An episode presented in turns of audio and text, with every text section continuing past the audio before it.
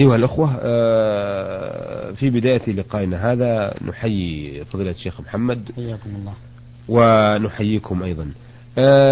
فضيلة الشيخ هذه الرسالة وردت طويلة من أحد المستمعين لهذا البرنامج الذي يكثر من الثناء على برنامج نور على الدرب ويقول إذا وضع الزوج ثدي زوجته في فمه على سبيل الاستمتاع أربع مرات هل تحرم عليه أم لا؟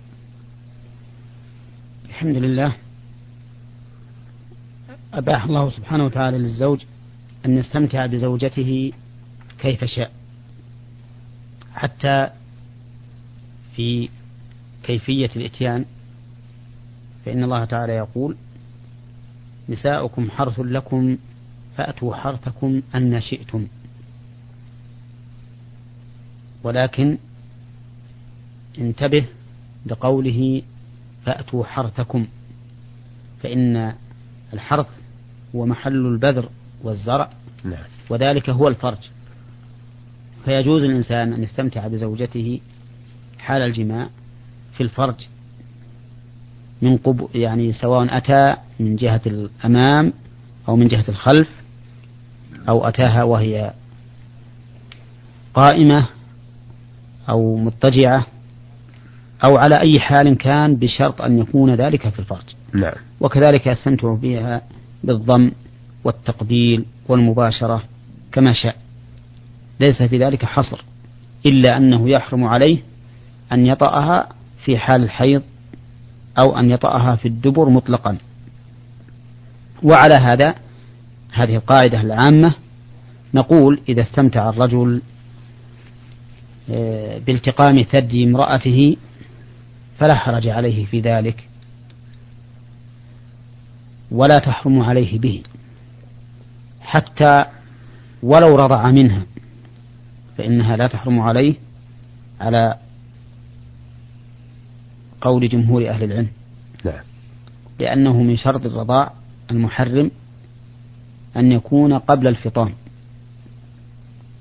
وأما إذا كان بعد الفطام فإنه لا يحرم ولا يؤثر شيئا. كذلك لا بد أن يكون الرضاع خمس مرات فأكثر.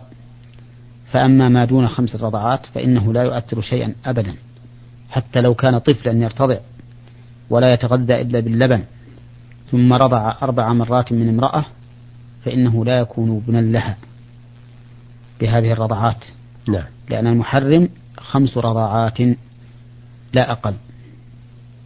نعم. آه هذه رسالة وردتنا من آه بلاد بني عمرو تقول المرسلة سلوى عبد الله آه هل يجوز وضع السحاب في ثوب المرأة أم هو حرام؟ السحاب السحاب وضعه في في ثوب المرأة لا بأس به نعم. سواء كان ذلك من الخلف أم من الأمام وذلك لأن الأصل في الملابس الإباحة نوعا وكيفية إلا ما ورد الشرع بتحريمه. نعم. أه سؤالها الثاني تقول هل يجوز للمرأة المشطة المائلة أم هي حرام؟ المشطة المائلة لا أتصورها لكن إذا كان المقصود فرق فرق الرأس من جانب واحد نعم. فإن ذلك خلاف خلاف السنة والسنة أن يكون فرق الرأس من الوسط. ليكون الشعر من الجانبين على السواء نعم. من جانب اليمين ومن جانب الشمال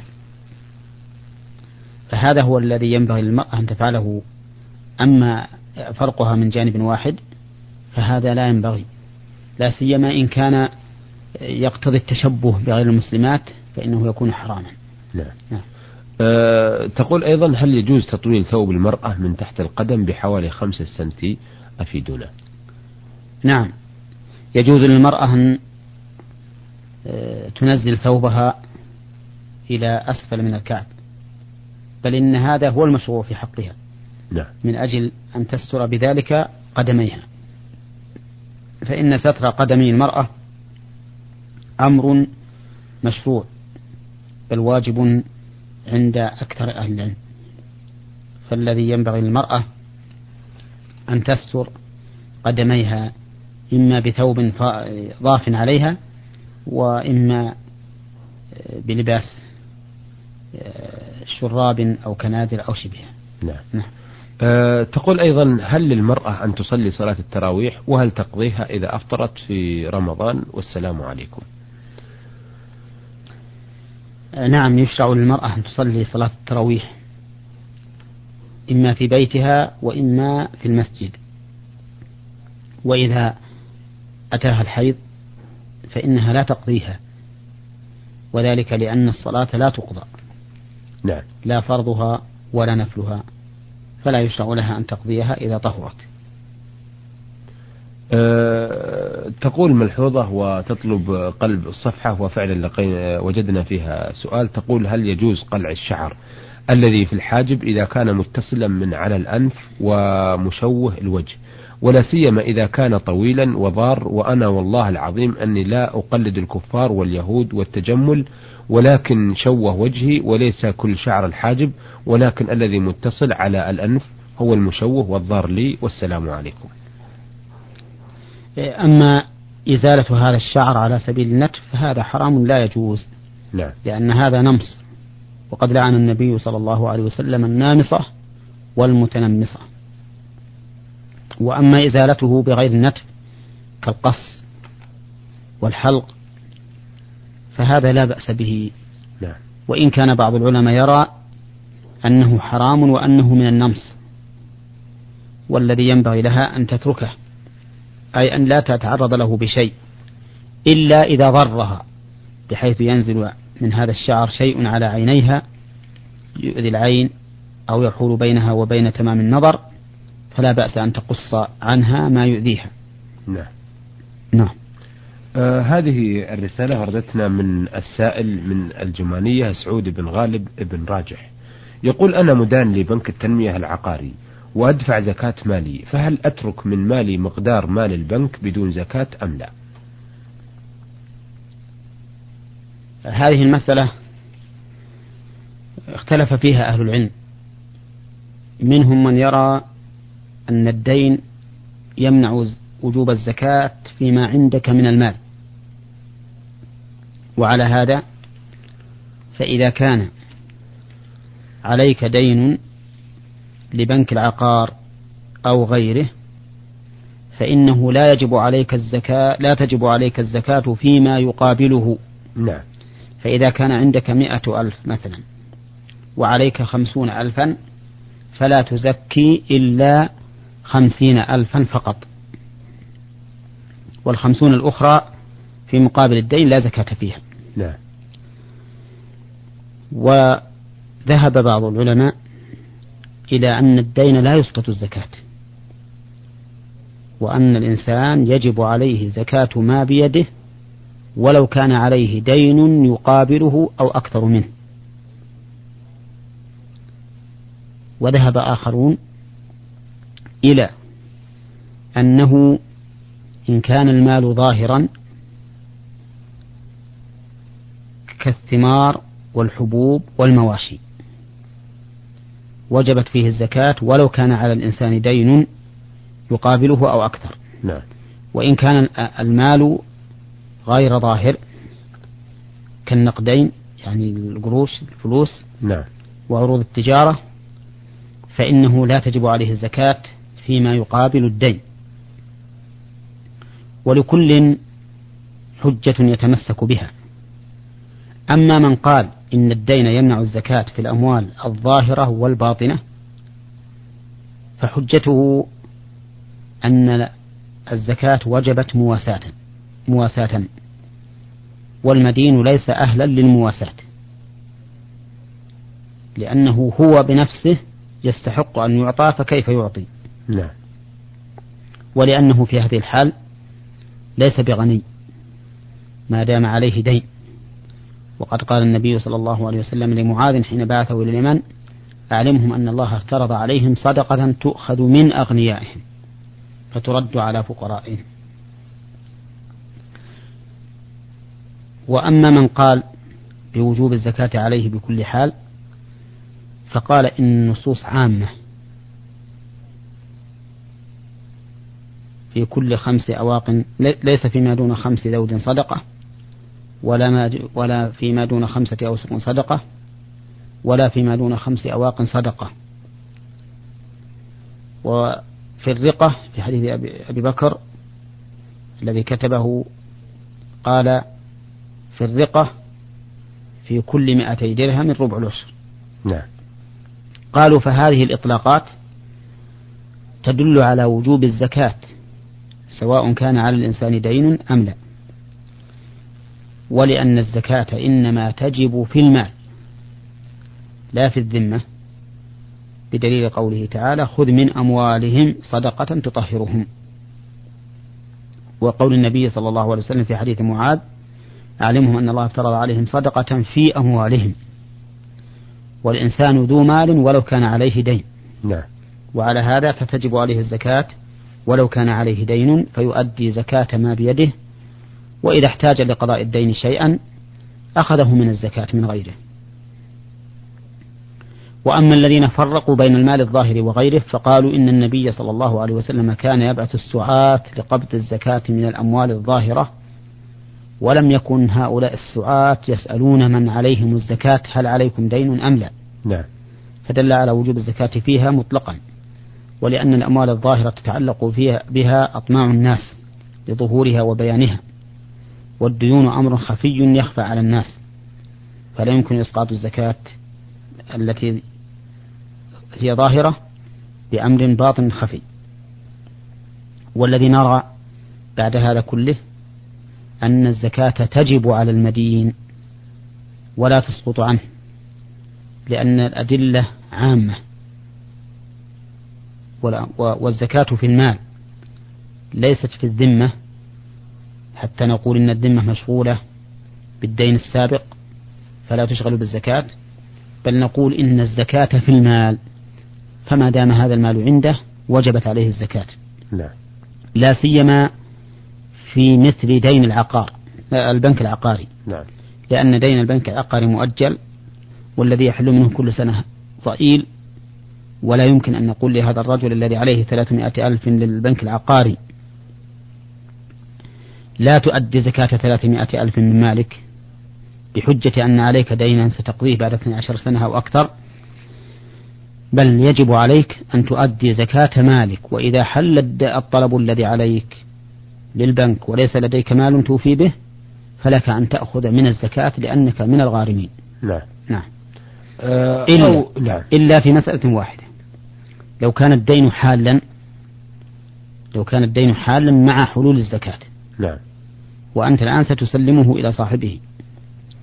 فحينئذ نقول ليس عليك زكاة في هذا المال. لأنك قد أعددته للوفاء ولأن, ولأن عثمان رضي الله عنه كان يخطب ويقول أيها الناس إن هذا شهر زكاة أموالكم فمن كان عليه دين فليقضه. أو قال فليؤده. فدل ذلك على أن الدين الحال مقدم إذا كان الإنسان يريد أن يوفيه مقدم على الزكاة. نعم. إيه نعم. آه، أو يقال لمن آه، يطلب آه، مال لصندوق التنمية وهو يخشى من تأدية الزكاة يدفعه لصندوق التنمية لكي يزكي عليه. هذا الصندوق. كيف مثلا إذا كان يطلب 300 ألف لمدد نعم. معينة من السنين وهو يخشى تأدية هذه الزكاة يدفع هذا المال إذا كان باق عنده ومستغرق طيب. إذا و... كان يريد أن يعجل الدين؟ نعم. ويسلم لا يزكي. نعم. هذا طيب. آه هذه رسالة وردت من آه أحمد. لكن بشرط أن يؤديه قبل وجوب زكاته. يعني مثلا إذا كان تحل الزكاة في رمضان يؤديه في رجب أو في شعبان. نعم, نعم. آه هذه الرسالة وردت من أحمد محمد إبراهيم أبو حدرة العرياني من جدة جامعة الملك عبد العزيز. يقول في رسالته ما هو رأي فضيلتكم في أمثال هؤلاء الشباب المقلدين؟ وهذه التقاليد ليست لنا ولا ناتجة عن عادتنا أولا كتربية أولا كتربية الشعر إلى ما لا نهاية وتطويل الثوب إلى أسفل الرجلين وتعليق السلاسل بأعناقهم. أليس هذا حرام؟ وهل يقبل صلاة وصوم هؤلاء الشباب؟ التقليد في الأمور النافعة التي لم يرد الشرع بالنهي عنها هذا أمر جائز. وأما التقليد في الأمور الضارة أو التي منع الشرع منها من العادات فهذا أمر لا يجوز. فهؤلاء الذين يطولون شعورهم إلى ما لا نهاية نقول لهم هذا خلاف العادة المتبعة في زمننا هذا. نعم. واتخاذ شعر الرأس مختلف فيه. هل هو من السنن المطلوب فعلها أو هو من العادات التي يتمشى فيها الإنسان على ما اعتاده الناس في وقته؟ والراجح عندي أن هذه من العادات التي يتمشى فيها الإنسان على ما جرى فيه الناس بوقته. نعم. في وقته. فإذا كان من عادة الناس اتخاذ الشعر إذا كان من عادة الناس اتخاذ الشعر وتطويله فإنه يفعل. وإذا كان من عادة الناس حلق الشعر أو تقصيره فإنه يفعل. ولكن البلية كل البلية أن هؤلاء الذين يعفون شعور رؤوسهم لا يعفون شعور لحاهم. ثم هم يزعمون أنهم يقتدون بالرسول صلى الله عليه وسلم. وهم في ذلك غير صادقين. لكنهم يتبعون أهواءهم ويدل على عدم صدقهم في اتباع الرسول عليه الصلاة والسلام أنك تجدهم قد أضاعوا شيئا من دينه هو من الواجبات. نعم.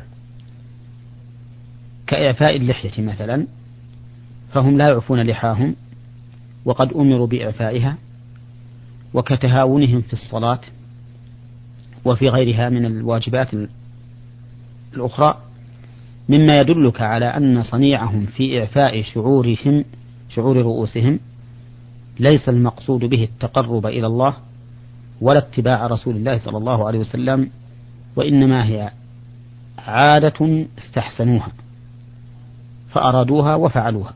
نعم. وأما اتخاذ السلاسل فاتخاذ السلاسل محرم للتجمل بها لأن ذلك من شيم النساء وهو, وهو تشبه بالمرأة. وقد لعن الرسول صلى الله عليه وسلم المتشبهين من الرجال بالنساء. ويزداد تحريما وإثما إذا كان من الذهب فإنه حرام. على الرجل من الوجهين جميعا من جهة أنه ذهب ومن جهة أنه تشبه بالمرأة نعم. ويزداد قبحا إذا كان فيه صورة صورة حيوان أو ملك أو أعظم من ذلك وأخبث إذا كان فيه صليب فإن هذا حرام حتى على المرأة أن تلبس حليا فيه صورة سواء كانت صورة إنسان أو حيوان طائر أو غير طائر أو كان فيه صورة صليب. وهذا أعني لبس ما فيه أعني لبس ما فيه صورة حرام على الرجال وعلى النساء. نعم. فلا يجوز لأي منهما أن يلبس ما فيه صورة حيوان أو صورة صليب. نعم. أحسنت. أيها السادة إلى هنا نأتي على نهاية لقائنا هذا الذي استعرضنا فيه أسئلة السادة عين باء دال من القاهرة والأخت سلوى عبد الله من بني عمرو وسعود بن غالب بن راجح من الجمانية وأخيرا أحمد محمد إبراهيم أبو حدرة العرياني من جدة من جامعة الملك عبد العزيز. عرضنا الأسئلة والاستفسارات التي وردت في رسائلهم على فضيلة الشيخ محمد بن صالح العثيمين الأستاذ بكلية الشريعة بالقصيم وإمام وخطيب الجامع الكبير بمدينة عنيزة. شكرا لفضيلة الشيخ محمد وشكرا لكم أيها السادة وإلى أن نلتقي نستودعكم الله والسلام عليكم ورحمة الله وبركاته. نور على الدرب. برنامج يومي يجيب فيه أصحاب الفضيلة العلماء على أسئلة المستمعين الدينية والاجتماعية. البرنامج من تقديم وتنفيذ سليمان محمد الشبانة.